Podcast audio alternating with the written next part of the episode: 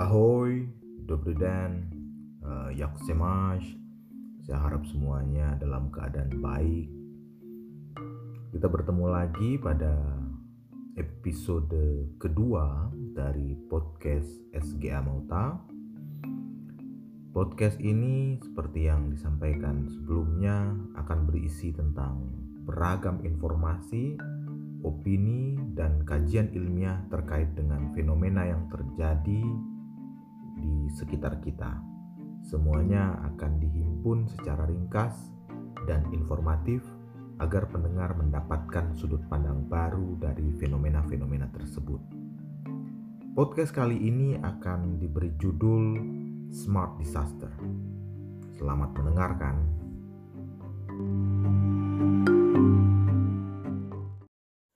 Ahoy, kali ini kita akan uh, membahas tentang smart disaster.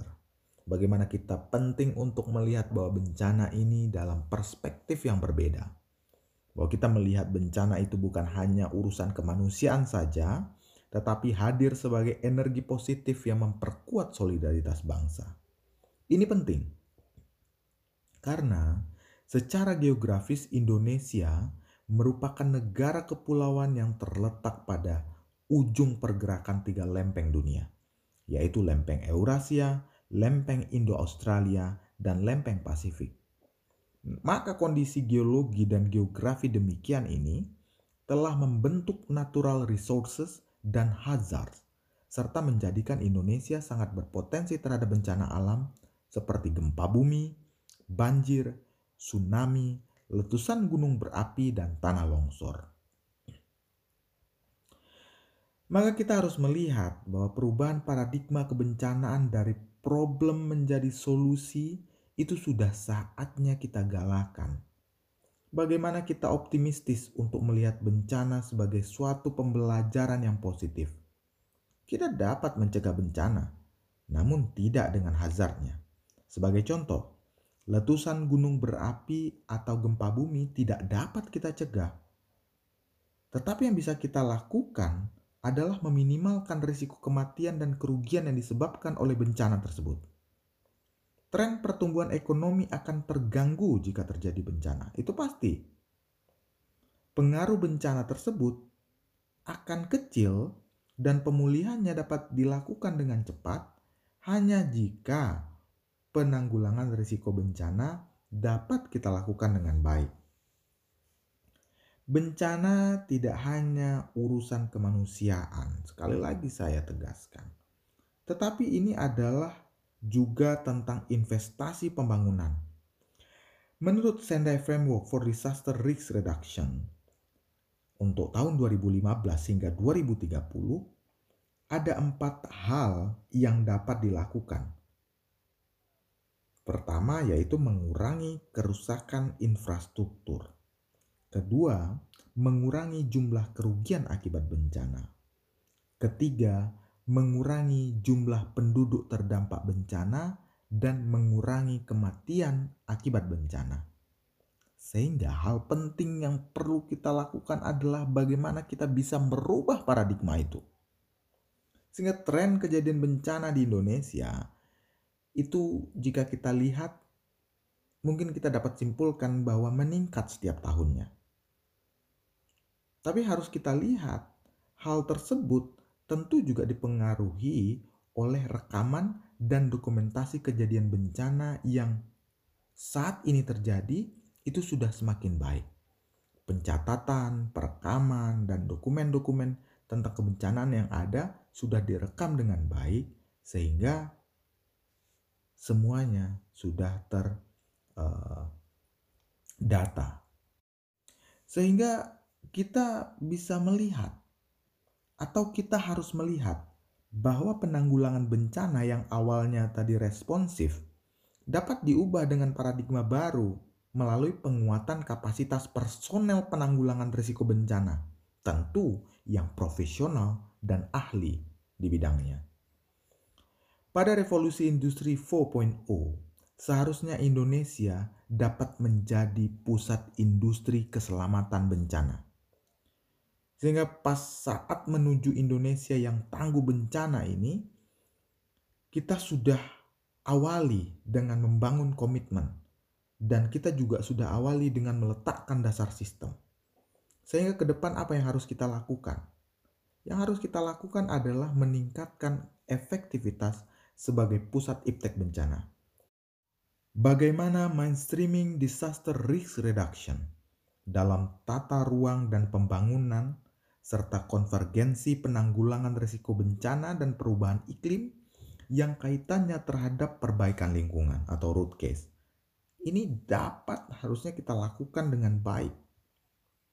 Sehingga the next part adalah bagaimana kita melakukan konstruksi identitas. Saya bisa katakan begini, bencana memaksa manusia untuk menggunakan akal pikiran dan nalarnya untuk kembali pada situasi normal. Kenapa saya bisa katakan demikian? Karena saya melihat bahwa bencana merupakan mekanisme penting dalam proses pembelajaran manusia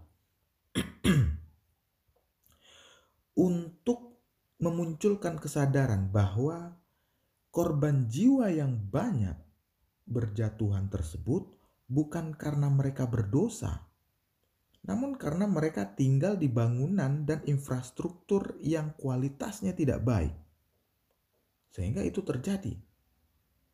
Bencana ini seharusnya dapat dimaknai positif serta erat kaitannya dengan konsep kemajuan. Kenapa lagi saya bilang begitu? Karena peristiwa-peristiwa bencana diharapkan itu tidak membuat masyarakat yang terdampak menjadi terpuruk begitu dalam, namun dapat segera bangkit dari duka dan penderitaan untuk mulai membangun peradaban yang baru. Kehancuran yang diakibatkan oleh bencana dapat dimanfaatkan oleh pemerintah daerah, pemerintah pusat untuk memulai menata ulang wilayahnya dan melakukan perombakan ke arah yang lebih baik. Ini penting dan ini kunci. Walter Lippmann ini seorang jurnalis Amerika pernah mengemukakan teori sublimasi uh, dia katakan bahwa bencana bukan semata tentang momentum kekacauan yang harus diatasi. Namun bencana itu juga adalah peristiwa yang mengarahkan hasrat kekacauan sehingga dapat bergerak menuju proses peradaban. Ini poin pentingnya. Sehingga di sini saya dapat lihat bahwa pemerintah Indonesia harusnya dapat menjawab tantangan untuk mengembangkan industri kebencanaan yang saat ini sudah digalakan oleh BNPB sebagai sebuah solusi untuk keselamatan bencana yang kerap kali datang melanda bangsa ini. Ini harus menjadi pekerjaan kita bersama. Ini harus menjadi kesadaran kita bersama. Karena kita melihat bahwa Indonesia ini memiliki peluang untuk menjadi pusat unggulan manajemen penanggulangan bencana dengan lingkup unggulan berupa pemanfaatan secara optimal Indonesia sebagai laboratorium penanggulangan bencana. Indonesia bisa sebagai laboratorium, sehingga semua tingkatan harus memahami bahwa penanganan bencana bukan sekedar respon sesaat saja, tetapi jangka panjang untuk menjadikan masyarakat terbebas dari risiko dan menjadikan masyarakat yang tangguh terhadap bencana. Ini harus kita lakukan. Indonesia itu sebagai laboratorium penanggulangan bencana. Indonesia dapat kita jadikan sebagai laboratorium alam untuk menjadi pusat unggulan manajemen penanggulangan bencana seperti yang tadi saya sebutkan di awal. Masyarakat harus memahami kita semua harus paham bahwa pengalaman dan ilmu pengetahuan kebencanaan terus bertambah. Karena bencana tersebut unik. Kenapa saya katakan demikian? Karena bencana tersebut selalu berbeda dari kejadian satu dengan kejadian yang lainnya. Serta cara penanganannya tentu berbeda-beda pula antara bencana satu dengan bencana yang lainnya. Maka di akhir podcast ini, saya ingin melihat kita semua melihat goal dari industri keselamatan bencana ini. Goal yang diharapkan dari industri keselamatan bencana ini adalah bangkitnya kapasitas dan kapabilitas sumber daya manusia dalam bidang kebencanaan, serta mengurangi jumlah korban jiwa dan kerusakan yang disebabkan oleh kejadian bencana. Sehingga hal yang paling penting yang harus kita lakukan adalah diplomasi kemanusiaan juga dapat digalakkan dengan meningkatkan kemampuan bangsa dalam bidang ilmu pengetahuan dan teknologi. Kemajuan ilmu pengetahuan dan teknologi inilah yang perlu kita tingkatkan bersama. Dan kita dapat memanfaatkan laboratorium alam yang tersebar di negara Indonesia ini sehingga dengan memanfaatkan itu sebaik mungkin dengan memanfaatkan juga perkembangan uh, ilmu pengetahuan dan teknologi tadi, maka kita dapat membuka lapangan pekerjaan dan dapat meningkatkan kesejahteraan masyarakat untuk menuju bangsa Indonesia yang tangguh dengan bencana. Kita harus mulai dari diri kita sendiri bahwa ini dapat kita lakukan bersama.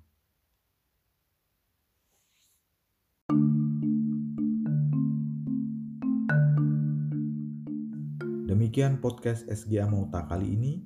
Kita akan lanjutkan di lain kesempatan dengan tema yang lain lagi tentunya. Semoga podcast kali ini memberikan manfaat bagi kita semua. Silakan share atau bagikan podcast ini kepada yang lain melalui media sosial Anda jika Anda merasa bahwa podcast ini eh, menarik dan memberikan informasi yang baru. Dengan harapan agar kita selalu bisa berbagi dalam kebaikan. Salam hangat dari Praha. SGA mau tahu undur diri. Nasklerano. thank you